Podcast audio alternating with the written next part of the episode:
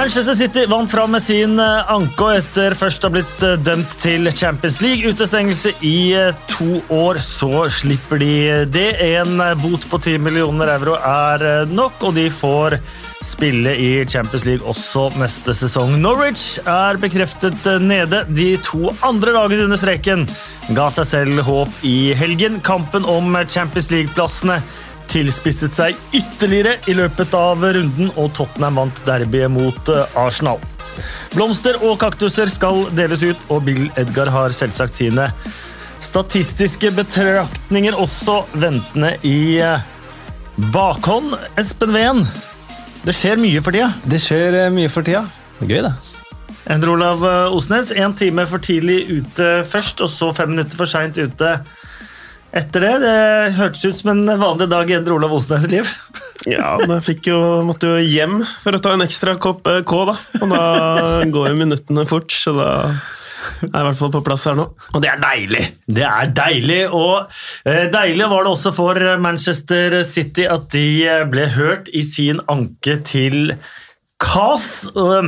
Dette er jo ganske store og innfløkte greier. Eh, Andreas Seljås driver nettstedet idrettspolitikk.no, og er det litt innfløkte saker, så er det absolutt nettstedet å anbefale. Og siden eh, vi eh, går rett til kilden her i podkasten, Andreas, så kan ikke du prøve å forklare på en relativt lettfattelig måte denne saken? Jo, denne saken starter i 2018 eh, med de såkalte Football Leaks-papirene, eh, eller dokumentene, som er da en enorm mengde hacka dokumenter som viser de svarte sidene av fotballen. Eh, og Der kommer det fram en del e-poster blant annet, og en del dokumenter som antyder at Manchester City har blåst opp sponsortallene sine for å omgå Financial Fair Play-reglementet. Financial mm. Fair Play er jo da et reglement som ble innført i 2011, og som skal sørge for at uh, man ikke bruker mer penger enn man tjener inn, mm. enkelt fortalt. Mm. Eh, og det, det, som disse dokumentene og avisoverskriftene og avisartiklene antydet, hvert fall, det var at eh, det var de samme eierne av sponsorene, f.eks. Emirates, eh, flyselskap, eh, som også eide Manchester City, og at de da kunne gi helt eh, veldig store sponsoravtaler, kunstig store sponsoravtaler for at Manchester City skulle kunne kjøpe veldig dyre spillere. Mm. Det er veldig enkelt forklart. Eh, og dette eh, ble jo da rapportert inn til eh, Uefas etiske komité, eller finans, en form for sånn, sånn, et styre eller en komité som skal ettergå at klubbene forholder seg korrekt til disse, disse, dette regelverket. Mm. Og det var det som i februar i år førte til at Uefa dømte Manchester City til eh, to år utestengelse av Champions League, altså i 2021 og 2021-22-sesongene. Mm. Og til 30 millioner kroner med millioner euro i bot. Mm. Eh, og det er jo denne saken, da, denne dommen, som Manchester City anka inn til det som heter idrettens voldgiftsrett, eller KAS, som du sa. Mm. Eh, og som de vant fram med. Altså, De blir ikke utestengt på Champions League. Det er liksom det som var eh, den viktigste saken, for da hadde veldig mye av lufta gått ut av Manchester City. Og så fikk de redusert bot, og den bota er faktisk det som er det mest interessante her. Fordi mm. vi veit ikke hva begrunnelsen til dommen er. Vi har bare sett pressemeldingen til CAS og vi har bare sett pressemeldingen til Uefa. Så vi venter fortsatt på begrunnelsen for dommen. Ja. Men det som kommer fram, er at eh, Manchester City har fått en bot på 100 millioner kroner. Det er kanskje den største bota som er gitt noen gang i fotballen. for alt jeg vet. Mm. Men det er småpenger for Abu Dhabi og Manchester City.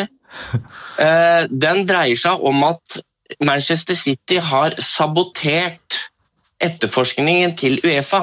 Mm. Det vil si at De har ikke gitt de dokumentene blant annet, som Uefa har bedt om i sin etterforskning, og som la grunnlaget for denne dommen. Det det tyder på nå, er at eh, de har gitt mye mer informasjon til KAS enn de ga til Uefa. Ja. Så det blir veldig spennende å se hva den informasjonen dreier seg om. Men bota dreier seg altså om at vi ikke har gitt nok informasjon. Og Det er et sentralt poeng på en annen måte, fordi at de har blitt frikjent på flere av punktene fordi at sakene er forelda. Og ved at Manchester City da ikke har gitt den informasjonen Uefa har bedt om, så har også tida gått. Altså De har brukt mer tid på etterforskningen, og det kan ha ført til at de har blitt frikjent på noen av punktene. Men det er det vi venter på skal stå i, i Begrunnelsen skal stå i dette dokumentet som er venta nå i slutten av uka. Men når det kommer til det, akkurat det med foreldelse, så fikk de jo en straff av Uefa 20, for saker fram til 2013. Ja. Eh, hvor de fikk en bot, og hvor de også fikk registrere færre spillere til Champions League. Ja. Så er ikke den, den delen av saken egentlig ute av verden? Den er ute av verden. Så det de, det som er Det de lurer på nå, er de sakene som er i 2014-2015. Mm. Det er et sånt tidsvindu her på 2015 for noen av de sakene som Manchester City nå er frikjent for. Det foregikk i 2015. Mm. Og da er det litt spørsmål når er det man setter tidslinje her. For tidsfristen er fem år. Foreldelsesfristen er på mm. fem år. Så det er, det er, veldig mange spekulasjoner her. Eh, hvorfor de har gjort som de har gjort, og hva som har skjedd. Så det får vi vente på. Men det som er, kommer veldig tydelig fram, er at Manchester City har ikke har bidratt på den måten som Uefa vil. og Da kan det hende at i Kass-saken så har advokatene til Manchester City fremført at Uefa har ikke eh, vedtatt eh, dommen på riktige premisser. Her har dere flere dokumenter, og så er det det som er greia. Og Så er det et annet element her som er litt utydelig. fordi eh, de dokumentene som førte til denne saken, det er bevist, eller i hvert fall veldig sterke antydninger om at de er hacka, de er stjålet. Det er en portugisisk hacker som heter Rui Pinto, som eh, levde og hacka i Ungarn, og som er fra Portugal, og som er utlevert fra Ungarn til Portugal nå, og som venter på rettssak i september i år. Eh, I sveitsisk rett så er det ikke lov å bruke stjålne dokumenter som bevismateriale. Mm. Og Det er antyda at det også gjelder i KAS. Det er litt usikkert. Jeg er heller ikke jurist, så jeg er litt sånn ikke helt på, helt på på innertieren på det greiene der. Men hvis de Manchester City-advokatene, i tillegg til at man har greid å hale ut tida, har fått overbevist om at man ikke kan bruke stjålne dokumenter, bl.a. fordi at dokumentene er helt ute av kontekst. Altså, du, har liksom, du, har bare korrespondansen, men du har liksom ikke begrunnelsen for korrespondansen. Så kan det godt hende at det også har svekka saken til Uefa, og at det har ført til at Manchester City har vunnet fram. Men så er det noen som eh, mener at eh, disse hackede eh, e-mailene og sånt fra Wikileaks har gjort at Uefa har måttet ta action. Eh, for eh, rett og slett pga. sitt eh, eget rykte og ansikt. de har gitt Manchester City to års utestengelse, men at ankesaken og de, det, det tilsvaret de har gitt til anken, på mange måter er designet for at Kass skulle frikjenne. Slik at Uefa har hatt sitt på det rene, at de har, har gjort uh, sitt, uh, men at de ikke har tatt tak i de tingene som kunne kanskje opprettholdt straffen til Manchester City i denne, denne anken. Ja, det, det, og det, jeg mistenker Uefa for å gjøre alt mulig gærent ofte. Så, så, det kan hende at de har lyst til å virke tøffe i klypa, og så har de på mange prosedert på en sak som de visste de kom til å tape, mm. og så kan de bruke det som en unnskyldning. Eh, PSG for et par, i 2017 vel, eh, de slapp unna med omfattende straffereaksjoner pga. kjøpet av Neymar og Mbappe. Mm. Og da var det også at Uefa på en måte hadde kludra det til sin egen etterforskning, eller eh, ikke hadde Eller la saken dø fordi man ikke hadde nok beviser og sånne ting. Selv om man eh, sikkert kunne ha dømt dem på bakgrunn av Financial Fair Play-reglementet da også. Mm. Og de, PSG eide av Qatar, enorme ressurser. Manchester City eide Abu Dhabi, enorme med ressurser. Og det har vært veldig mange advokater, PR-byråer, hardt inne her. Det har også vært diskusjon om, om, eh, om CAS Altså, KASS er ikke et vanlig rettsapparat. Det er en, en, en voldgiftsdomstol der velger, hver part velger ut sin dommer, og så at det er en tredjedommer som skal liksom være uavhengig, og så forhandler de seg fram til hva som er riktig og gærent. Mm. Eh, og de som er valgt ut, de er, kommer fra store advokatbyråer, bl.a. i London, som har klienter i Midtøsten og som tjener masse penger på å, å redde uh, holdt på å si, de, de med mektige folk resten av året. Sånn at dette er et stort spill. så Den kastdommen i seg selv er jo veldig spesiell, men det betyr ikke at KAS er det som får fram rettferdigheten og den riktige konklusjonen. Mm. Er dette slutten for eh, Financial Fair Play? Det har man sagt flere ganger. Altså, dette viser i hvert fall at de sterkeste nesten alltid vinner hvis de legger nok ressurser i, i, bak det. Eh, så er det jo Uefa vil jo, hevda jo eh, med en gang etter dommen i går at eh, det er færre klubber som går konkurs i Europa etter at man innførte Financial Fair Play. Mm. Så jeg tror heller at dette dreier seg om en diskusjon om hvordan man håndhever Financial Fair Play. Kanskje at man utvider foreldelsesfristen og sånne ting. Eh, men akkurat nå så ser det litt mørkt ut, fordi man kan på en måte utnytte seg av et system som ikke holder helt vann, og så er det de sterkeste som vinner uansett. Så jeg tror i hvert fall at diskusjonen dreier seg om at Financial Fair Play-reglementet må justeres, og altså det må puttes mer penger inn i håndhevelsen av det. For hadde Football Leaks avslørt dette ett år tidligere, f.eks. Mm. Og VG, VG, er jo også med på dette Football Leagues-prosjektet som starta med Spiegel i Tyskland. Mm. Og hadde eh, Uefa lagt litt mer penger inn i etterforskninga, og hadde de kanskje kjørt en annen strategi, for de har hele tiden kjørt på financial fair play, og ikke på en etisk vurdering av at Manchester City har prøvd å trenere en etterforskning. Hadde de gått på mer det moralske aspektet her, så kan det godt hende at Uefa hadde kommet ut på en bedre måte enn det de har gjort i denne saken. Men eh, Financial Fair Play eh, det er en eh, veldig stor diskusjon. Men Financial Fair Play Hvis det er for at klubber ikke skal gå dukken, og det er et argument for Financial Fair Play, og sånt nå, så, så hvorfor i all verden skal Financial Fair Play gjelde for de, de store klubbene? For det virker jo egentlig som om Financial Fair Play er satt i system for å bevare status quo, at de store og mektigste skal være størst og mektigst, mens det skal være ekstremt vanskelig for andre klubber å hevde seg i det selskapet som Manchester City da har prøvd da de siste ti årene? Ja, nei, Det tror jeg er en god analyse. Altså, men jeg tror ikke Financial Fair Play er lagd for et system der du kan ha stater som går inn med så store summer at du greier ikke å tenke deg hvor stort det er engang. Altså, det er det er på en måte Abramovic-tida mm, den. den er skrudd sammen for, mm. og ikke for oljestater som bare har et sånn utømmelig kilde av, av, penger. Sånn at eh, jeg tror at du har rett på uh, med det du sier. Samtidig så har man liksom ikke greid å tatt over seg at du har store aktører som har enda mer penger enn det Abramovic hadde, f.eks. Og så er det også et annet element her, og det er hvordan fotballen blir brukt.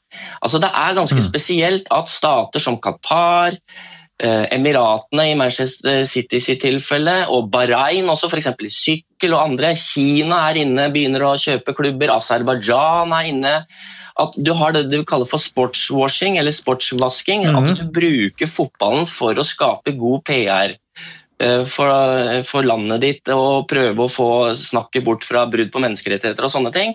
Og Financial Fair Play greier ikke å ta opp i seg de, de elementene der, da, med rike arabestater f.eks., eller kinesere eller aserbajdsjanere, ja. og det der med at det blir brukt som et PR-virkemiddel for stater. Men er ikke, Så, det, er ikke, det, egentlig to ja. forskjellige diskusjoner? At man kan uh, diskutere egentlig hvor penga kommer fra, uh, og det er massevis av moralsk uh, forkastelig egentlig hos veldig mange, men noe selvfølgelig i, i, langt større grad enn andre. Men så har du dette med økonomisk doping. for Det er litt som på økonomisk doping jeg faller litt av. Eh, at én klubb kan bruke eh, masse penger eh, fordi de selger masse drakter rundt om i verden, mens en annen klubb ikke kan bruke nøyaktig samme summen fordi at de ikke selger like mange drakter. Men sånn at de, den klubben da som ikke selger like mange drakter, da blir kalt, kalles da for å drive med økonomisk doping. Den, den ja. logikken der er ikke jeg helt med på.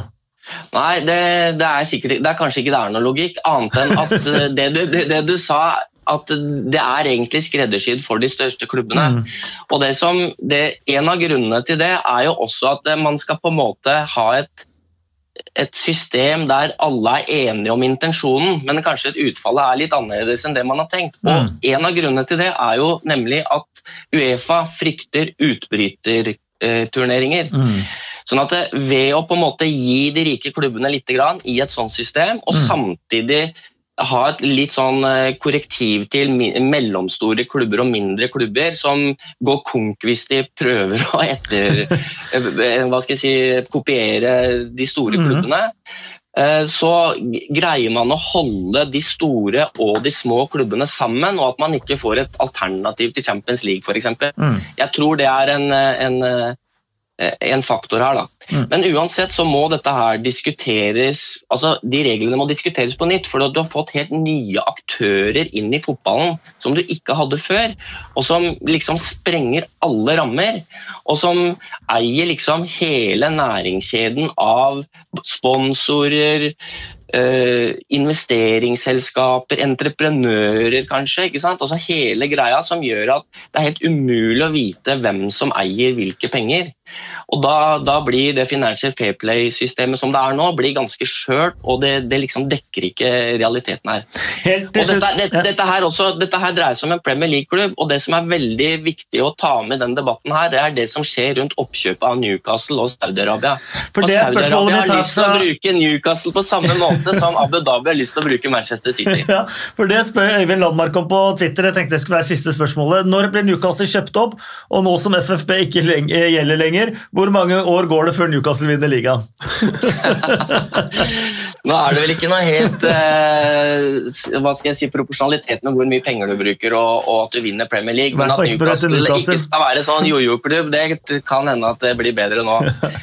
Eh, men men det, det er veldig viktig, for det som er skjer nå, det er at eh, i England nå så er det jo en, en evaluering av kjøperne av eh, Newcastle, og der er det jo det saudiske oljefondet som er inne og har lyst til å kjøpe 80% av aksjene i klubben.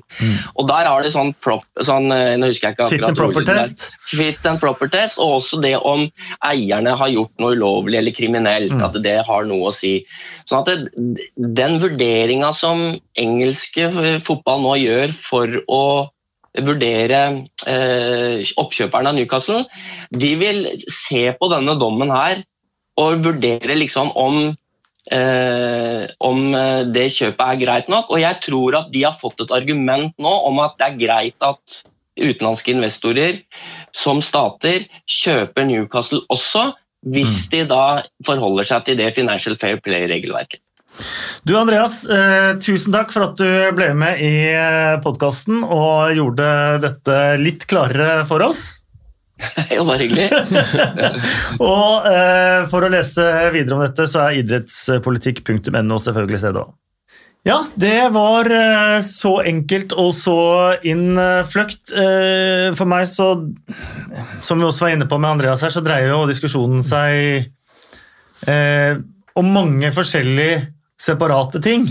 Mm. Men jeg håper jo at folk kanskje har fått litt mer innsikt, så får man dra sine egne konklusjoner. Konklusjonen eh, fra CAS, eh, eller Idrettens voldgiftsrett, eh, er iallfall at eh, topp fire i Premier League gir Champions League neste sesong, og der har Manchester City sikra seg andreplass. Det, det har de. Eh, Jeg hadde jo skyhøye skuldre da jeg kom inn her i. Fikk jo streng hjemmelekse av deg i går, Kasper. Her skal vi, eh, skal vi lese oss opp på denne saken. Så, men det var veldig deilig å høre Andreas eh, prate om det. Syns det var tydelig og, og bra. Så, så får vi se hva det har å si framover. Men Manchester City er frikjent nå. Da er vel det som betyr noe for Premier League-sesongen, innspurten sånn som den er. Da ble det en Femteplass som ble litt mindre verdt enn eh, noen hadde håpa på. Ja. Eh, For meg så virker det sånn hele Financial Fair Play-systemet er klar for en revisjon, eller kanskje nesten at det skal kastes på, på båten. for den, den, Hvis man skal se til England, da, så redder den jo ikke de klubbene som, som burde vært redda, og det handler jo også om ligaen. Nå ser vi Wiggen, som er satt under administrasjon, mister tolv poeng. Vi har sett Burry forsvinne, vi har sett Bolton holdt på å gå samme. Vi har sett andre klubber, sånn som Chester og Darlington, eh, forsvinne. eh, uten at de har blitt redda av noe eh, financial fair play. Um, så for meg så, så, så virker det mer som at det, ja, det er vanskelig å si, da, men eh, men for de største klubbene så, som ikke går konkurs eh, Manchester City går ikke konkurs så lenge de har de eierne de har. Eh, og der er det mer et system for å opprettholde status quo. At de som genererer mest penger, de skal fortsette å være største best. Ja, også, men altså, Vi snakker selvfølgelig om England, men det er jo jobba jo med italiensk fotball for noen en del år siden. Der var det jo snakk om det allerede fra det kom. og husker Inter drev eller masse skulle måtte holde seg innafor dette. Roma som har AC Milan har jo fått en utstengelse, til og med. Ja, de, men de forhandla seg litt fram til og tok eh, et forlik. da. Så de tok den utstengelsen det året de trodde det passa best. og Så regna de skulle være tilbake i Champions League nå. Det klarer de jo ikke. Men, men se på Roma, f.eks., som eh, har solgt unna en hel generasjon omtrent av et mesterlag. Alison, Salah, Nangolan, Manolas. Markinios, alt sammen for å komme seg innafor Financial Fair Play. da. Så er det sikkert klubber i andre nasjoner som er eh, ekstra bitre på, på dette her. at det, Sånn er det bare. Det, de rikeste kommer unna med det. Ja, og det er det jo. Eh, De er jo bitre, men eh, det er jo god sammenligning til, til eh, dopingen. Jeg føler jo Manchester City nå slipper unna med det her, men de har klart å bygge seg opp. da. Eh, man ser jo Altså, hvis man driver med en sport eh, og doper seg, og så blir utestengt, kommer tilbake, så er det en fordel ved det. Eh, og de har på en måte hatt uh, god timing på oppbygningen uh, her, og profitterer jo veldig på det her nå. Men uh, nå er de frikjent, så Men at det lønner seg å være mektig, lønner seg å ha gode advokater, og ha, at det er lettere å få en million til hvis du har den fra før, det er det, er det jo ingen tvil om. Så, så det er eh, urettferdig, akkurat sånn som livet er urettferdig. Det eh, som blir spennende å se framover, i hvert fall, er når eh, ting begynner å lekke ut fra prosessene som har vært og ledet fram mot denne frikjennelsen. Både hos Uefa, kanskje hos Manchester City, men spesielt hos Uefa. Eh, og se de sakene som kommer opp eh, og kommer ut da, det, det blir interessant å følge, i alle fall. og det kan fort hende at eh, det blir Uefa som sitter igjen med, med svarteper til, eh, til slutt, når alt eh, kommer fram. Vi må videre, og da hva passer vel bedre enn å gå til bunnstriden? ja. Eh, Norwich de er allerede nede. Eh, gikk gjennom de siste tolv sesongene, så har Norwich hatt åtte enten opprykk eller nedrykk.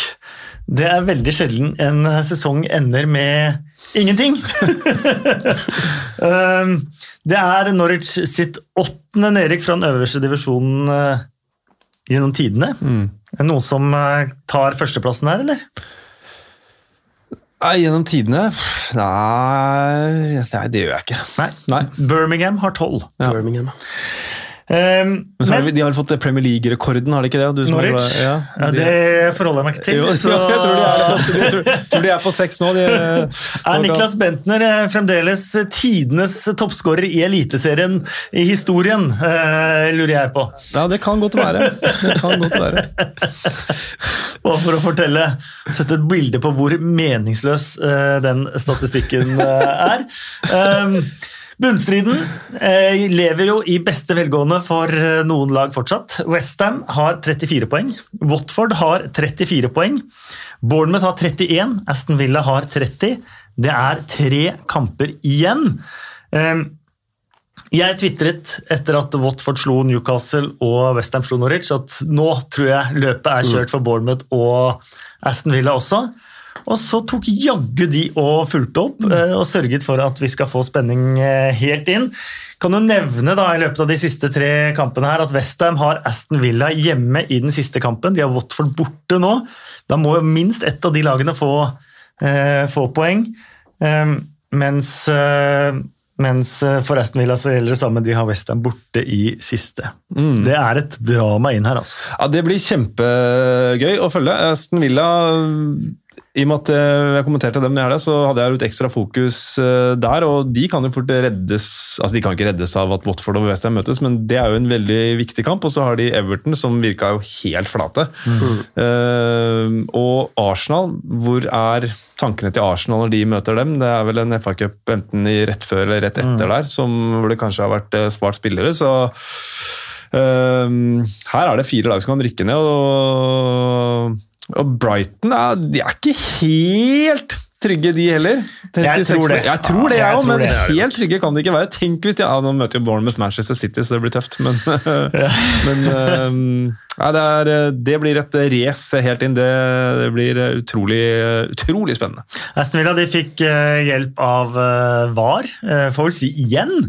Eh, de fikk hjelp av mållinjeteknologien i den første kampen etter, uh, etter avbrekket. og i helga så eh, ble Saco Sako sitt eh, mål, ledermål for Crystal Palace annullert etter at det traff han i nakke, bakside av skulder, Ja. så det ut som.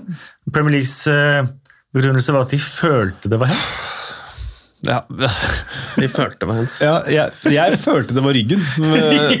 Det var, han rygg, Jeg følte det var mål. ja, jeg, han rygger den inn, tror jeg. sa jeg at treffer i hvert fall nærmere nakken da, enn armen, det, det, det treffet. Og nå så jeg vel eh, gutta i studio, de eh, leppeleste vel eh, Dean Smith og sa that we got away with that one, that's a terrible decision. Eh, så, så um, Nei, det blir vel ja, Kan ikke håpe på avklaring neste år når eh, det er skulderen eh, ikke er en del av armen, men nei, det er bare helt hinsides, den avgjørelsen her. Eh, Bournemouth de fikk hjelp av et eh, Leicester i total kollaps. Ja, det var eh, ekstremt eh, komikveld i det forsvaret der. Spesielt eh, Smichael, da, som har vært eh, så bra egentlig hele sesongen. Han må vel ta på seg et eh, par av de der, eh, tror jeg. De, jeg følte egentlig de bare ga det fra seg, og det var totalkollaps. Og de har ikke sett uh, bra ut etter, uh, etter lockdown i det hele tatt, og de, uh, de, er, de sliter veldig nå. Jeg eh, pendler jo litt, prøver å ha ferie et par timer om dagen og dra til familien på, på hytta. Så jeg så den matchen på bussen. eh, 1-0 til Leicester, totalkontroll. Da jeg kom fram til eh, min stasjon, da var det spilt par og 60. eh, Eller et eller annet rundt der. Eh, Satt meg inn i bilen hvor jeg ble henta på busstasjonen opp til hytta. Eh, Og sjekka, så plutselig sto tre jenter Bournemouth. Bare what? Hvordan skjedde det? Nei, det var, det var eh, fullstendig choking, faktisk. Totalkollaps, og de, eh, de klarte ikke å respondere i det hele tatt. Det der var eh, sjokkerende svak. Jeg satt litt med den samme følelsen, Kasper. Og så er det eh, selvfølgelig for et par, eh, nei, tre av bunnlagene så har de vært såpass heldige, Watford, Westham og Brighton, at de har møtt Norwich. Eh, det er jo og så kan ikke de andre klage på det. Aston Villa fikk seks gratispoeng mot Norwich, de også. Så, eh, men veldig fordel for de som har hatt Norwich i, etter koronabrekket, og Michael Antonio da, med fire kasser. Liker å bli historisk jern. Ja,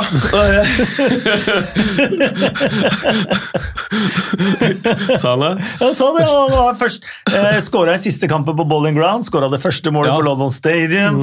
Eh, jeg vet ikke om han var han den første som eh, skåra vinnermål på Tottenham Hotspur Stadium òg? Eh, eller om han var først som skåra der, etter han sånn, og han eh, fire mål på bortebane. Det er jo en sånn favoritt eh, Han liker jeg skikkelig godt. Han er så fin i intervjusonen etterpå. Og han er jo en eh, som virkelig ikke bare liker han å bli historisk, men han har jo også da stått fram og vært enormt viktig for det Westham-laget der etter eh, etter uh, avbrekket. Så um, Han var god i Nottingham Forest, men noen som husker han ble kjøpt av Westham? Han spilte jo ikke på et halvt år, og David Gold, eieren, fikk jo spørsmål om Michael Antonio. og Ante ikke hvem det var, han hadde glemt han hadde kjøpt, kjøpt den. Men, han men da eksploderte han plutselig ut av blokkene også. Ja, Han kom jo fra ingen steder. Yes. Eh, Altså Han kom jo fra Nottingham Forest, åpenbart, men uh, Han kom fra- fra glemselen til Ja, eieren. eieren veit hvem han er engang, så klart da kan vi si han kommer fra ingensteds. Uh, nei, uh, han har jo vært rå. Altså, han Tsjekkeren, han Socek, har også vært Han har også stått fremme. sinnssykt bra etter uh, den koronaperioden her. Eh, Det betyr jo da at eh, båndlagene stort sett er på, på vinnersporet hele gjengen. Eh, Westham, Watford, eh, Bournemouth og Aston Villa. Det er jo den der mekanismen å ligge under streken her. Du ser å, det er tre poeng opp, det er fire poeng opp, én seier, så er vi der. og sånt nå. Men man må alltid ta med i beregninga at de laga over streken de tar noen poeng innimellom, de òg. Det gjør det, Eh, men eh, det var imponerende at de klarte å svare, for da var jo det eh, seks-syv poeng der for, lagene under med dårligere målforskjell. Og så da, Toget var i ferd med å forlate perrongen der. Ja, det hadde jo på en måte forlatt perrongen, da. Og de ble stående igjen, da. Eh, men, og det toget det heter jo da Premier League, da. Men eh, er det toget heter? Endestasjon. neste toget er da Championship. Men um, jeg gleder meg skikkelig til, eh, til, til Westham Watford, for den har jeg satt opp på. Skal. Så det er liksom sånn eh, Det er sånn kamp man så på for ja, for noen, før helga og tenkte den er jo, kan bli fet, men nå er den veldig fet. Ja. Og det er jeg fornøyd med. Av og, til, av og til så får man sånne skatter da, i, eh, i vaktlista. Championship er sånn dresin, det nå. Det blir bare så Jeg, jeg er jo satt opp av mye av de matchene der, og det må jeg bare si at jeg nyter. Det er de beste Eh, matchene. ja. Når det, når det, det, er det er jo Du kan si kampen om topp fire og, eh, og alt det der, men eh, kampen for overlevelse er jo det virkelige dramaet. Mm. og det som virkelig betyr noe. Og, eh, hvis du ser på Sunderland, som da klarte seg med nød og neppe en to-tre sesonger, og når de først forsvant ned, så forsvant de ned to hakk. Mm. og der er de fortsatt. Eh, Blir det der, liksom. Eh, Så det er eh, det, det dramaet om, om, om nedrykk, det er helt ekstremt hver eneste sesong. Og vi har jo hatt ja, 04-05 var vel det største dramaet, eh, da samtlige av de fire nederste kunne rykke ned. Var det da West Brom klarte seg? det var da West Brom som lå på sisteplass av de fire lagene, klarte seg. eh, Mens de tre andre rykka ned. Norwich var vel den eneste som hadde sitt i egne hender og tapte 6-1 mot Fulham. Eh, Så, så da har vi- de dramaene der er jo det, er jo det man lever ånde for. Ja, og så går det jo helt inn. Jeg må jo si jeg håper at det blir eh, Det er sikkert dårlig gjort overfor Westham og Aston Villa-supportere, men jeg håper at den kampen blir sånn helt Direkte avgjørende. avgjørende, ja. Direkte avgjørende Ja. hvem som eh, rykker ned av de to. Ja, Ufattelig synd at vi ikke har publikum her. Altså. ja, men, men du kan se For eh, noen så ser du de spiller med lave skuldre nå, de, de har ikke så mye å spille for, men i de kampene der eh, Vi kommer kanskje til den etter hvert, men eh, Watford Newcastle altså de, Watford er ikke i nærheten i starten. Da, fordi de har, du ser at de er nervøse, de bommer på enkle pasninger. Det, det er så mye som står på spill, da. Eh, og det ser man. Og det er jo det man liker å se, at spillerne virkelig bryr seg. Definitivt. Eh, Tor Magne Madsen skriver på Twitter største pengesløseri i Premier League de siste årene. Min mening én Everton, to Fulham, tre Aston Villa. Ufattelig lite retur for investeringene sine. Det er vel ingen andre som når disse til knærne. Nei. Hvis du, ikke, hvis du tenker i kort sikt, da, du har QPR og alle de som, Mm. Jo, jo. som har, men i de siste årene så er jeg veldig enig i den lista til Ja, Tor Magne Fulham er vel nesten verst, eh, som rykka ned med dunder og brak, liksom. Mm. Mens Aston Villa har jo fortsatt en, en hopp. Men det er jo det er greit det er 3CG som skårer eh, de to av de måla. Utrolig fett navn, forresten. Tenk å bare kalle seg 3CG fordi du syns David 3CG er fet. var det ikke pappaen Ja, som syntes jo. Trezeguet var fett? Ja, Det ja, det er så ellevilt. Det er så kult. Eh, Men, eh, men eh, det er jo Conor Harryhan som kommer inn, en sånn gammel reke som mm. de hadde. Han var god på dødballer, sa Dean Smith. Han var vanvittig dødballer, Ja, han er jo det. Hvorfor Det er spiller det ikke- er bra på. Ja, for spiller han ikke hver uke da? Liksom? Det er Men, eh, men det er han som måte ja, han som, hva sa du? Og sakte mann. Ja, det gjør det. Ja. Men det gikk sakte med Jeg vet ikke. Men forresten, Det for Villa, jeg sin- på. for Aston- for Aston Villa Fulham sin del så var jo forskjell eller det, For meg så står de tre som ganske forskjellige i utgangspunktet. da. Eh, Fulham, som kjøpte fordi at oi, nå har vi muligheten til å kjøpe. Eh, uten nødvendigvis å trenge å kjøpe. Everton som bare har kjøpt slow and steady eh, mye dårlig for veldig mye penger gjennom mange sesonger. Eh, mens Aston Villa var jo nødt til å gjøre noe, fordi at de hadde en veldig aldrende spillerstall hvor mange også var på låns. De hadde jo, de hadde jo knapt stall da de rykka opp, i hvert fall ikke til å kjempe, så de, de måtte foreta seg noe. Så det er utgangspunktet i de tre lagene, selv om da man kan si at resultatet har blitt eh, dårlig for alle tre, har jo vært veldig forskjellig. Fu- Fulham de hadde jo en teori, da. Det skal de jo i hvert fall ha. At de gikk for stats Ja, på spillere. ja, og, ja. mm. og det har man jo sett har funket bra i baseball og, og sånt, så de, de hadde jo en teori. Så de var jo i hvert fall litt målretta. Men Eh, Men Everton, for eksempel, det er jo litt sånn som eh, Leicester. Når de har gjort store spillersalg, så har jo faktisk Leicester vært veldig veldig fornuftige. De har kanskje de har sittet på pengesekken og så kanskje gjort én god signering da, Mm. eh, per sesong, mens for Everton så virka det som etter eh, Lukaku Altså, de satt med masse penger, og så visste de ikke hva bruker, de det, eller? Ja, må, må bruke det. Det er litt sånn uh... Litt som Tottenham da de solgte Elvis og kjøpte Beatles. Det ble ikke veldig stor suksess, det heller. Nei, var det var det Everton da? De bare kjøpte sju nummer tier etter at de hadde solgt Lukaku. liksom. Det Og var, alle hadde, hvis man skal gå og ta min sønn, eh, hadde under 30 på pace. ja, alle, alle var liksom like. ja. Og det er jo Ja. litt sånn Ja, det er jo fascinerende, det, med de fotballagene som eh, kjøper like spillere. Men det er godt sagt av, av, av Sunday, men det har de i hvert fall gjort noe med. Og Everton har jo faktisk eh, De, de kunne jo kjørt den Leicester-greia, i hvert fall fra og med nå, fordi de har jo såpass mye spennende unggutter på vei opp og fram. Da.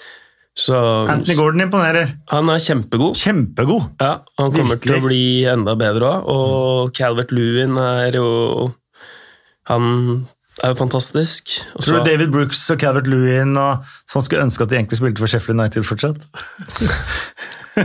Nei, I dag, ja. Men det syns jeg de gikk derfra. da.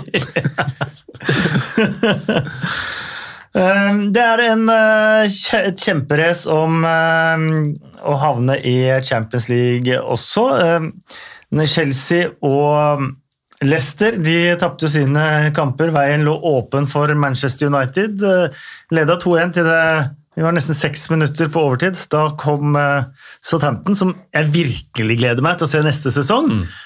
For de tror jeg kan bli Eh, og kanskje ikke helt Leicester gode, men de kan bli fryktelig spennende å, å følge. Eh, men uansett, det fører jo til følgende kamp om eh, de topp fire. Nummer tre Chelsea, 60 poeng. Nummer fire Leicester, 59.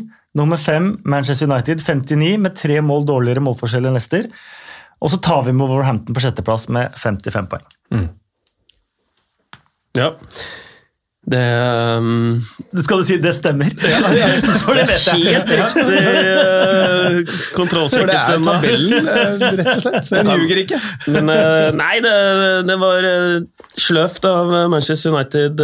De ble stressa, og Lindeløv gjør etter min mening en basisfeil. Nå er det selvfølgelig Maguire markerte Wambisaka, så dere det, ja, det klippet på? Men eh, siste skåringen Ja, ja, det er det siste skåringen jeg snakker om. Ja, Maguire ok. markerte Wambisaka, og Lindeløf kom på gæren side. Eh, Jeg så bare at Lindeløv lå, lå feil, og det tenker jeg er sånn basis, da. Det lærer man jo ganske tidlig i uh, fotballen som forsvarsspiller, men uh, der kampene kommer tett, og man er sliten, og Obafemi er eh, han er sterk og lur i den situasjonen, så det er sånn som kan skje, og ballen havner inne på streken. Eh, som, så ja, men det må være surt å slippe inn sånne mål. Men eh, det til side, da. For meg så virka dette som en litt sånn eh, rett og slett taktisk bommert av Ole Gunnar Solskjær. Eh, med byttene han gjorde, ut med Pogba, og det er nok gode grunner til. Men ut med Bruno Fernandes i tillegg. Da var plutselig Manchester United det som var dårlig i Manchester United. Da de tapte mye kamper, spesielt mot motstandere som eh, Southampton. Og jeg har hatt det som en sånn tommelfinger hele livet. og så ser jeg at Mange trenere er uenige med meg, i og med at de byttene kommer stadig vekk, men skal du forsvare en ledelse, så bør du beholde din mest kreative og ballsikre spiller på banen. Rett og slett eh, for å kunne holde ball i lag, og for å kunne ha det bindeleddet som gjør at man kan sette i gang gode kontringer. Kan bare kjøre en bitte liten digresjon der, for Sean Dyche han har jo sagt at han, det er- en moderne glamour med bytter i fotball. Hvis det funker, så bytter du ikke. Eh, og han bytter jo ikke heller, da. Nei. Det funker jo. Ja. så han har jo ordene i, i behold. Og det. Eh, nå ble vel Brandon Williams skada på tampen her også. Var det sånn da at han hadde fikk Brukt de tre Ja, byttetidspunktene. Nettopp, igjen, så Mm. måtte Selv om han egentlig hadde et bytte igjen. Nettopp måtte fullføre med de, og det glipper jo fullstendig på dødbanen. Det er jo ikke Det er elendig Lindeløf, det er jeg helt enig i, men det er jo fire Southampton-spillere alene bakerst der. Uh, og så han var ute og Men hvordan de blir pressa på slutten, her, hvis vi tar det Corneren Mm. slapp inn, og det er niende corner, og de slipper jo mye på cornere. Men, Mm.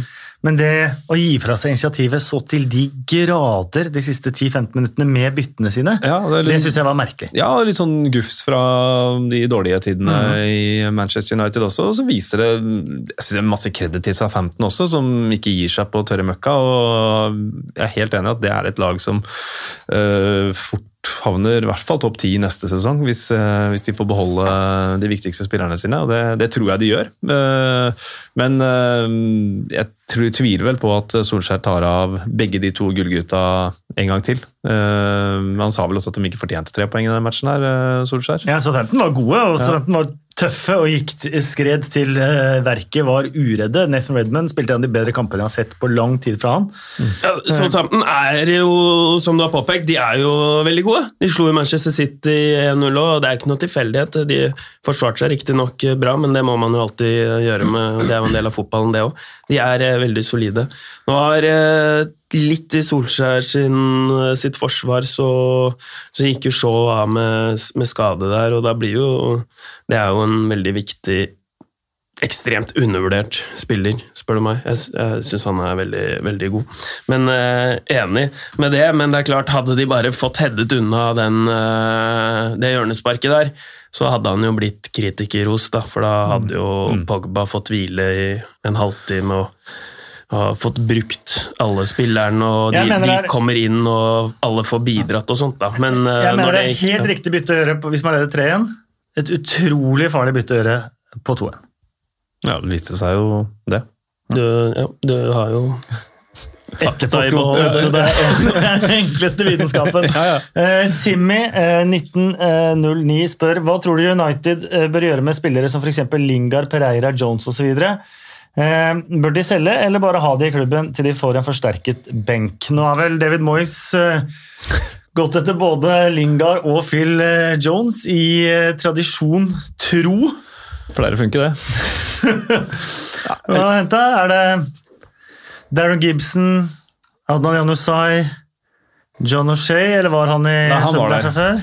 Daniel uh, Love. Daniel Lo nei, Donald Love. Don, Don Love, ja. Donald Love. D-Love, uansett. Han har vel uh, han har vel en track record på å hente vrakgods fra Manchester United. Kan det funke? Det er vel ja, i Westham? Ja, jeg tror eh, for Lingard sin del så tror jeg det ville være et eh, lurt career move. da, og, og Hva skal spille, da? Lanzini, Filippe Andersson, Jarmolenko, uh, Linde, Lingard ja, han, trenger, han, trenger, et miljøskifte, miljøskift, og um, han Det var ikke så lenge siden han spilte VM og gjorde det bra. Altså, men han, han Lingard? Ja. Spilte han mye i VM? Han spilte litt, da. Skårte i hvert fall. Ja, kom, han gjorde det! Det er lett å glemme det. Ja, det er, ja, det er, det er veldig lett å glemme. Jeg tror det var om Panama til og med jeg var der. Jeg. Det kan godt være. Ja. Så han, han, trenger jo litt selvtillit. Forglem meg jeg, sier Jesse. Ja. Han trenger jo litt selvtillit nå, da. Men han er jo ikke god nok for Manchester United nå. Det har han jo, det har han jo vist. Så så han trenger et miljøskifte, men jeg vet ikke hva slags Han virker liksom han er fornøyd med å bare være i Manchester United, men han kan ikke være det. Han har jo ny agent, og han, han Pereira er litt sansen for. Han er litt sånn, føler jeg er litt sånn lojal som kan, kan være der og gjøre en god jobb. Jones er vel ferdig. Jeg tenker eh, svaret på spørsmålet deres er selv alle sammen. Ja. Jeg tror de har spillere i akademiet som kan fylle de samme rollene. Espen eh, Tangstad drar fram så et par andre det også, men jeg eh, fant ikke de tweetene. United Grand Slam for eh, Chelsea. Tatt borte mot Manchester United, Newcastle United, Westham United og Sheffield United denne sesongen. Ja, det er jo Bill Edgar-esk over den der. Ja. Eh, var jo elendige mot uh, Sheffield United, var Lampard sa. Det var det dårligste han hadde sett. Han var ikke helt sikker, men han trodde det var det dårligste. Ingen var gode. Da jo, har han fått passet sitt påskrevet. Da. Men det som er fint med Lampard, er at han etter kampen der så sier han vel at eh, han vil ikke si så mye, for han er sint. Og så er de ferdig med det. Mm. Det er ikke noe sånn der eh, henge ut den eller henge ut den. Um, Lars Erik eh, Bakken Igjen har Chelsea en dårlig dag, som Spurs hadde, og som Wolverhampton hadde. Hvorfor fokuseres det på andres dårlige dager og ikke Sheffield Uniteds gode? Det er et godt poeng, det. Men det er jo litt eh, sånn at man tar de, tar de eh, dårlige og, største. Men Sheffield, jeg er helt enig. Sheffield United er kjempegode. Og det var ikke noe At de i hvert fall vinner over Chelsea, det bør nesten ikke komme som en overraskelse. Så det er eh, David McGoldrick med sine ja. to første endelig. Han hadde jo 15 mål i championship forrige sesong, skal, ikke, skal ikke glemme det. Veldig viktig, eh, i opprykkssesongen til Sheffield United, både med spill, men også med skåringer. Ja, og han er jo en spiller jeg virkelig har uh, unnet det. Da. Han har jo hatt uh, ball i nett og blitt sånn tvilsomt avvinket for VAR, og han gjør jo en kanonjobb. Han er jo veldig, veldig uh, god. Han har jeg faktisk lagt min elsk på denne sesongen òg. Ligner jo faktisk også på en en uh, god venn, Daniel Njaye. Um, um, men utover det, han, han var jeg etter Okay. Da er han nevnt, da. Han fikk han mention. men nei, han vinner Han gjør alt en spiss skal gjøre. Han får tak i baller der oppe, han fasiliterer for de rundt seg, og han jobber hjem, men han har manglet sluttproduktet. Nå har satt den to! Og det syns jeg var skikkelig moro. Men litt av en historie, det òg. Spilte i Ipswich. Eh, Fikk ikke fornya kontrakt i Ipswich. Ble frigitt da den kontrakten gikk ut. Sheffield United plukka han opp. 15 mål i første sesongen. Og nå koser han seg eh, helt i toppen av Premier League. Mm, ja, og så, så sa han jo etter matchen også at uh, hylla jo Chris Wilder og resten av klubben at han har hele tiden følt seg viktig. Selv om han ikke har skåra mål, så har han hele tiden følt seg viktig uh, i denne sesongen her. Uh, så det er jo en, uh, en solskinnshistorie at han fikk uh, skåre det målet der. Litt uh, synd for han selvfølgelig at uh, utligninga mot Arsenal i FA-cupen ikke, ikke fikk uh, finere følger. Jeg syns Chris Wilder også er fet når han i etterkant har sittet ja, nå sitter gutta med en øl i hånda inne i garderoben der og koser seg, liksom. For nå har vi noen dager fri. Uh, ja, det er så fint. Men Chris Wilder, jeg må si football genius. Eh, gjorde en fantastisk jobb med først i Low League, så med Oxford, som han vel eh, tok tilbake til ligasystemet igjen. Eh, Så tok han over Northampton, som da eh, lå med brukket rygg på alle mulige måter. Første hele sesongen med Northampton. Vant league 2 med over 100 poeng. Så fikk han muligheten i Sheffield United, som er hans barndomsklubb. Og de hadde da vært middelavsvarere i League One i flere sesonger. Eh, Første forsøk. Opprykk var over 100 poeng med Sheffield United i League One eh, også. Eh, Andre sesong, tiendeplass i Championship. Tredje sesong, opprykk fra Championship, andreplass i, i Championship. Nå sjetteplass i Premier League på sin fjerde sesong. Mm. det er helt vilt, og ser du da f.eks. disse fem siste sesongene totalt, tror knapt det finnes en manager som har flere poeng i løpet av de, eh, om noen, i løpet av de fem sesongene. Ja, ikke bare Han er jo Han tenker jo helt eh, annerledes enn alle andre. Han, han er jo en innovator og har en tydelig spillestil som er helt ulikt eh, alle andre. Altså, det er vanskelig å møte, og så er han jo en, en fin, fin fyr òg. Um, Kjenner du den? Nei, men eh, han, han eh, fremstår veldig fint. Og som Espen sa, at hvis du skal, kan la spillerne få ta seg en øl etter eh, kampen i garderoben, for de har noen dager fri altså, Det drives jo rovdrift, det er et enormt press, da. Og i hvert fall de er jo, er jo midt oppi det kjøret der. Og, og vekte litt sånn, ta litt press her og la spillere få litt slack der, og da er man etter min mening Da har man forstått det. Mm, Taktikken hans? Ja, sorry. Jeg synes, jo, men jeg synes jo også det- For jeg kjenner han jo heller ikke, men jeg er altså helt enig. Han må være en fin fyr. Det sånn som var vel tidligere i sesongen, når Dean Henderson hadde gjort et par gode redninger. og sånn, så bare, Ja, det skal vi bare mangle. Han sier han skal spille for England. liksom. Selvfølgelig skal han gjøre de redningene der. Samme når eh, John Egan nå Da tok du ikke med at han skjelte den ut av samme grunn etter at han tabba seg ut mot Liverpool. Nei, nei, nei, han vil det- spille for England, og da kan han ikke holde på sånn. Nettopp, men, det er det, men jeg tenker at det er noe med eksternkommunikasjon ja. og internkommunikasjon. og sånn, sånn som Når John Egan endelig scorer, så er det ikke sånn bare, ja, det er bra for han. Han burde skåre åtte-ti mål. Og så skårer John Egan igjen etterpå. Da, I kampen etterpå da ser jo Chris Wiley rett ut, og det er god Ja. stemning og kos. ikke sant? Så jeg tror han har en, eh, jeg tror han er enorm på man management også. Eh, David McGoldrick er jo, som vi snakka om i stad, et annet eksempel på det. Så genius, football genius og menneskekjenner, vil jeg tro uten å kjenne. Men dere vet hvordan taktikken eh, som de bruker nå, ble til? Nei. Det var jo, De fikk jo en dårlig start på sesongen, eh, om det var i League One. Eh, og satte seg med trenerteamet og bare nå må vi gjøre noe. Eh, Forslag kom på bordet, trebekslinje. Ja, ja, men det holder ikke bare med trebekslinje. Vi må eh, finne på noe utover det. Så får vi eh, break or bust, da.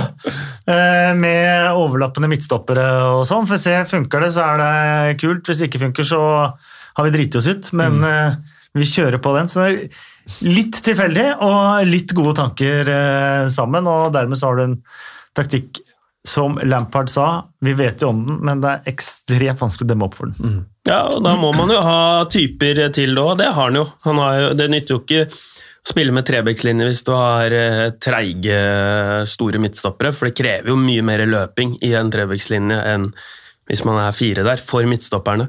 Så um, deilig frihet, men så er det jo òg det derre Det er jo òg De må ha en veldig tydelig spillestil, de må ha en veldig tydelig avtaler seg imellom. Da. For hvis du sender av gårde stopperne i et bankende kjør, sånn som de, eh, de gjør, så krever jo det mye av midtbanespillerne, og det er jo noe av det jeg tror har vært litt sånn vanskelig for Sander Berge i starten, da, å venne seg til eh, hvor man skal være når på det laget der.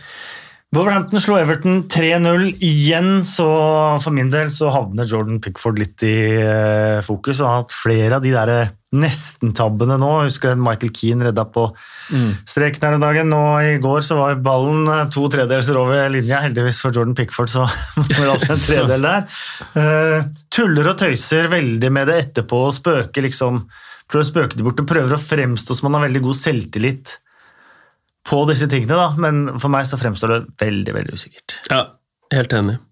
Han, han øh, gjør det. Um, jeg, jeg har ikke Det er jo, det jo Torstvedt sin kjepphest òg, at han, når han er inne og sjekker tweet som seg selv eh, rett etter kamp, så, så er, er det det. Og han gjør mye tabber, men han gjør noen fantastiske redninger òg, faktisk. Så det er på en måte en grunn til at han står for det landslaget der òg. Ja, er ikke det mest pga. beina han står på landslaget, egentlig? At de har bedre Han har noen ville redninger, eh, Pickford, på, på streken, så jeg, jeg skjønner at han eh, spiller, selv om Pope nå bør, bør stå, men, men eh, han er litt for eh, løs kanon. Jeg er enig. Mm.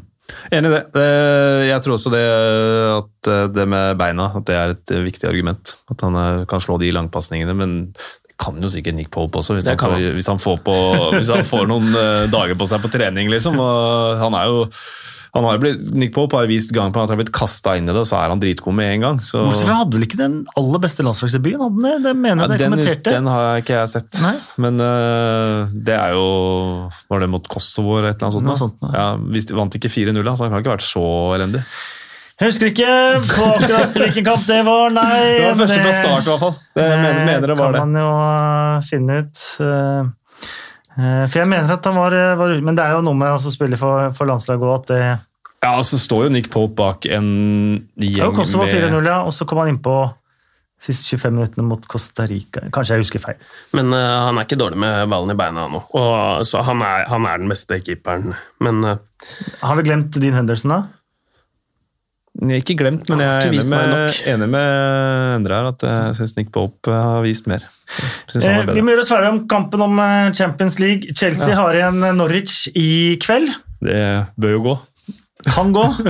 Eh, Så er det Liverpool og Wolverhampton. Den kan jo bli veldig avgjørende, den siste kampen der. Eh, Leicester har Sheffield United, Tottenham og Manchester United. Den siste kampen Manchester United kan jo bli en direkte finale om Champions League. Eh, Det kan vi jo håpe for ja. vår del, som eh, ikke har noen sterke følelser om hvem av de to som eh, burde gå til eh, Champions League. Manchester United har Palace borte, Westham hjemme bør være tre poeng. Så Leicester borte.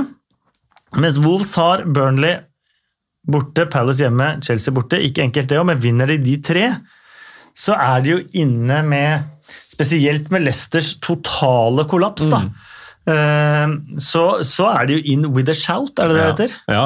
Jeg tror Wolverhampton vinner mot Burnley. Det er nesten overbevist om. Det er bare en magefølelse. Ikke noen annen grunn enn det. Men øh, nå klarte Burnley det resultatet på Anfield, og Wolverhampton har vært litt sånn, hatt øh, noen sånne dupper mot Arsenal og litt sånn, og så var de gode igjen nå. Fikk brukt Podens og, og Neto. Så På den som måtte ut igjen med skade, måtte han ikke det? jo, men kanskje de klarer å riste han løs. og Traoré og Jota kom i gang igjen etter å ha slitt. Så, Best i fi på Fifa, han nå siste. ja, antageligvis. Men noen som ikke er best i noe, er jo Crystal Palace. De, er jo, de stinker jo nå.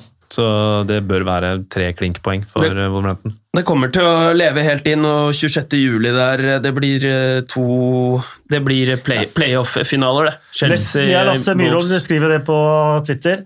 Leicester, Manchester United og Chelsea Wolves. Potensielt to eh, Ja. finaler der. Og kan U potensielt være godt nok for Leicester og Manchester United der? At hvis de får ett poeng hver, så holder de Chelsea og Wolves unna? Det blir, eh, det blir veldig spennende. Det, er jo, man, det var jo det man snakket om før, eh, før det her, at det er rått når de begynner å spille to kamper i uka, og det blir, det blir på en måte som en turnering. Og akkurat det her blir det, og sannsynligvis også nedrykksdrama. Så det er en utrolig, utrolig moro avslutning. altså. Eh, Da går vi og deler ut blomster, kaktus og annet. Det var moro å se på. Morata var kjempegod. Hva i all verden? Det er lov å si hvor mye det provoserer meg. Han snakka ikke om seg sjæl, han snakka om dommeren. Eh, vi kan begynne med å dele ut eh, blomsterbuketten til en som har fortjent det siden vi hadde podkasten sist. Selv vil jeg da kaste ut Michael Antonio i miksen for en blomsterbukett etter eh, Vi pleide å kalle fire mål for Patrick vi på Løkka. Patrick? Så ekte, ja, Kanskje ikke ekte Patrick, men i hvert fall Patrick på bortebane er ikke verst. Er det jeg som ikke skjønner Patrick, hvorfor det? Hvorfor P? Sikkert fordi at det ligner Patrick, og vi var uh, Ja, ti år. ja, okay. Det var ikke noe- Men, Quatrick? Ett Ja, et ja. mål, et mål videre fra hat var Patrick. Ja, ok. Ja. Var det, hadde dere noen i gjengen som het Patrick òg? Nei, det tror jeg ikke vi hadde. Nei, det hadde vært stort for ham. bøtta inn der. Ja. Eh, eh, Men jeg kan stille meg bak den, Kasper. Men eh, jeg har mest lyst til å gi den til McAldrick. Ja, men Da må han jo nesten dele den med Solanke, må han ikke det? Ja, men det er noe med en som eh, har spilt så mye og, og, og vært så viktig for laget sitt, da, som uh, McAldrick. Uh, og det er noe sjarmerende med en trener som bare gir han tillit kamp ut, kamp inn, selv om han ikke skårer mål. Og når eh, da målene kommer Han føler jeg trumfer Solanke. Ja, Du trumfer i hvert fall mitt forslag om Conor Horry Harrian, så det er, eh, det er notert. Jeg ser du noterer her nå. Jo. Pil. den, den satt, og det er jeg helt enig i. Um, Rundens øyeblikk, da. McGoldrick. Ja, ja, nei, mhm. Rundens øyeblikk. Det er, eh, det det er jo også der kan jo det komme inn. Um, kan ikke du starte, Espen? Jo, rundens eh, øyeblikk eh, Det er jo noe med fire mål på Antonio, syns jeg. Den, den sitter, og Han liker å være historisk. Det er noe med å si det etterpå også. Jeg liker å være historisk. Eh, Men eh, det er kanskje ikke noe øyeblikk. Jeg er vel jeg er litt sånn svak for når Aston Villa endelig tar ledelsen. Mm. Fire minutter på overtid i første omgang. Det er et et øyeblikk for meg. Og så er det jo selvfølgelig også, hvis du tenker skåringer eh, Skåringa til Obafemi på Old Trafford er jo også noe som vrir opp ned på, på hele den fighten. Apropos, eh, det er et øyeblikk igjen. Fantastisk øyeblikk, og spesielt hvis du er uh, Southampton-supporter. Og Den der VAR-diskusjonen eh, som er Enhver god, god avgjørelse er liksom et argument for VAR, og enhver dårlig eh, eh, avgjørelse er et argument mot VAR. For meg så er det to aspekter som egentlig er litt irrelevante. Det som er relevant for meg med VAR, er at eh, Og det er trist, eh, samtidig er det forståelse for at når den scoren kommer, så er ekspertkommentators første reaksjon er det noe VAR her. Ja. Er det noe som kan skje her? Eh, som supporter Ja, vi har utligna på Old Trafford. Eh, men det er ikke den forløsende, fantastiske, deilige følelsen som at du vet det er en scoring. Du vet du har utligna seks minutter på overtid med Old Trafford. Dommeren blåser mot midten, assistentdommer løper mot midten. Det er ren eufori. Det er en Kanskje vi har utligna på overtid mot, Ja. uh, på Old Trafford. Og det er for meg Og det verste av alt er at vi er snart vant til det. Ja, Vi er snart ja. numne mot akkurat det der. At det er en ting som er fratatt oss fra fotballen. At selv helt legitime mål blir man usikker på, for at det finnes så mange aspekter og varianter på å annullere en scoring i fotballen nå, at man til enhver tid er usikker i ethvert magisk øyeblikk vi har med fotballen. Og for meg så er Glem det andre, men det er en ufattelig viktig ting som er tatt fra oss i fotballen nå, med VAR. Beklager. Solgt. Ja, absolutt. Og det er, det er jo når arma til De Hea går opp der, et eller annet, og så han ser ut mot assistentdommer, Solskjær rett på monitor, er det noe å plukke på her?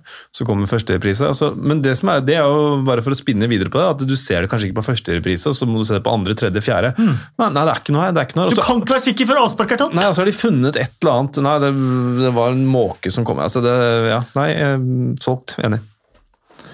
Eh, så da gir vi øyeblikket til Solanke eller eh, McGoldrick, da. McGoldrick. Første Fikk, der. fikk ikke han øh, blomsten, da? McGoldrick? McGoldrick blomsten, jo. da må vi gi øyeblikk til Solanke. Ja, ja, ja, det er kjærlig kjempe, kjempe Men, men kan det være, to, kan det være fi, andre, altså andreskåringa hans? For den første er jo Første er jo han har venta i Jo! Du var tolv år sist gang han skåra et mål. Nei, man skåra et skikkelig søppelmål i FA-cupen nå. Ja. Og det her er jo nok et Mot, var det mot Luton, Ja, eller? et eller annet sånt noe. Ja. Men øh, det var sånn som spratt. Ja, ja, ja. Og den her gjorde også det. Det skal treffes, da. Det, skal tre- det er ikke bare bare. Altså. Du står Nei. der, og så må du sette den. Nei, og jeg Nekter å gi til andre. Nesten, Da- da er nesten aldri skåra mål sjøl, så jeg veit at det er et stort øyeblikk når du skårer, men uh, andre ja, samme, det er greit. Det er nedstemt, det. Ukjent helt, der har jeg en utrolig god kandidat. Her skal dere være gode for å trumfe kandidaten min. Var ikke en? Nei. Han er ikke Han ukjent Han rykka jo opp til Sjøm... Jeg vet han ikke er uh, ukjent, men det er min, uh, Ja. mitt forslag. Rykka opp til uh, championship, og det har han fortjent å bli gratulert av Jørgen Klopp på, på WhatsApp, så ja, det var et stort det øyeblikk. Ja, øyeblikk kanskje, men, Men- ukjent helt. Her skal jeg få en god kandidat på ukjent helt. Ben Osborne. Ja, ja. Eh, altså, han har vært til tider briljant i Nottingham Forest som eh, wing. Eh, masse store forhåpninger rundt navnet sitt. Hadde nedadgående kurve i Nottingham Forest, hentet til Sheffield United. Ikke fått spille, egentlig, før nå etter koronapausen. Han kom inn etter at de tapte de første kampene. Eh, så kom han inn og har levert god kamp god kamp og gitt nytt liv på en måte til dette Sheffield United-laget fra indreløperposisjon, som jeg syns han har takla utrolig bra. Som kanskje ikke alle har lagt merke til. Definisjonen av en ukjent helt. Nei, helt enig. Uh, nå har ikke jeg det skrevet ned noe sted, men det var min kandidat òg. Det var det! Ja, det var det. Var det det? Ja. Han har uh, imponert meg veldig i, etter restarten her. Eh, Mm. Det er ikke bare bare Det er litt rart å si, men det er ikke bare bare å erstatte John Fleck. Det er ikke det! Nei, det er en setning jeg ikke trodde jeg kom til Og å si. Og hvem er John Fleck nevøen til? Uh, Det er Robert Fleck, er det ikke det? Det er helt korrekt. Ja, Ja, Bra, Espen. ja. ja takk, jeg har hørt det. Hvem var Robert. Fleck, Endre Olav? Ja. Chelsea! Nei, det var jo det Espen som sier. Jeg har ikke peiling. Ja, han spilte i Chelsea, men han var en kjempeflopp i Chelsea. Ja, Men han ble jo tidenes ja, dyreste. nettopp, Det er nettopp derfor vi husker Han han. ble Ja. tidenes dyreste spiller da han ble solgt til Chelsea Nettopp. fra Norwich. Ja. Han var fantastisk. Jeg skal love deg én person som aldri kommer til å glemme Robert Fleck. Det er Glenn Hussein. Glenn Hussein ble altså ydmyket hver gang Norwich møtte Liverpool. Eh, Og Robert Fleck han ble takla gjennom alene på mål én gang av Glenn Hussein. Gult kort var det på den tida der. Eh, I andre omgang var han på vei gjennom en gang til. Igjen kommer Glenn Hussein og feller han. Og før dommeren får dratt opp det andre gule gitt han rødt, så løp Robert Fleck til dommeren og bare 'ikke vis han ut', ikke vis han ut, ikke vis han ut. Men dommeren har 'sorry, eh, jeg kan ikke la være å gi et nytt gult kort for dette'. her. Eh, Men det er da nevøen er John Ja. Fleck. Jeg syns det er deilig å se en Fleck igjen i Premier League. Det er det. Det er digg, det. Glad i flekker. Kaktus. Marius har et godt, eh, godt eh, forslag her. Soyuncu får et meget unødvendig spark, eller var det to? Ja, den støtter jeg faktisk. Det var mye dårlig forsvarsspill og det er egentlig forsvaret til Leicester der, men, men den, den er bra. Ja, den er bra, men, og jeg skal ikke si at jeg kan toppe den, men jeg syns jo Benteke ligger veldig godt an her, da. Blir utvist etter at kampen er slutt. Det var ikke- riktignok ikke det samme harde sparket, men uh, Men hva var det han gjorde? han øh, sparka borti Esri Konsa. Det var liksom rett, Ja. før, rett før det fikk et frispark, og da begynte de sånn der øh, Så så det ut som at Benteke pekte mot garderoben, og vi tar det, tar det etter matchen, liksom. Det virka sånn. Og så klarer han ikke å legge det fra seg, og blir da utvist og får tre kampers karantene, og Roy Hodgson bare hudfletter han etter Tre kampers karantene det er perfekt for han. Nei, ikke nå, da, for nå sa Hodgson at nå har han jobba hardt for å komme tilbake, og nå skårer han et mål, og så bare ødelegger han for seg sjøl. Ja, ja, Det er tre kamper i sesongen. Han kan dra rett til Ja, sånn. Ja, det kan Sioncho, da. Ja, Ja. perfekt!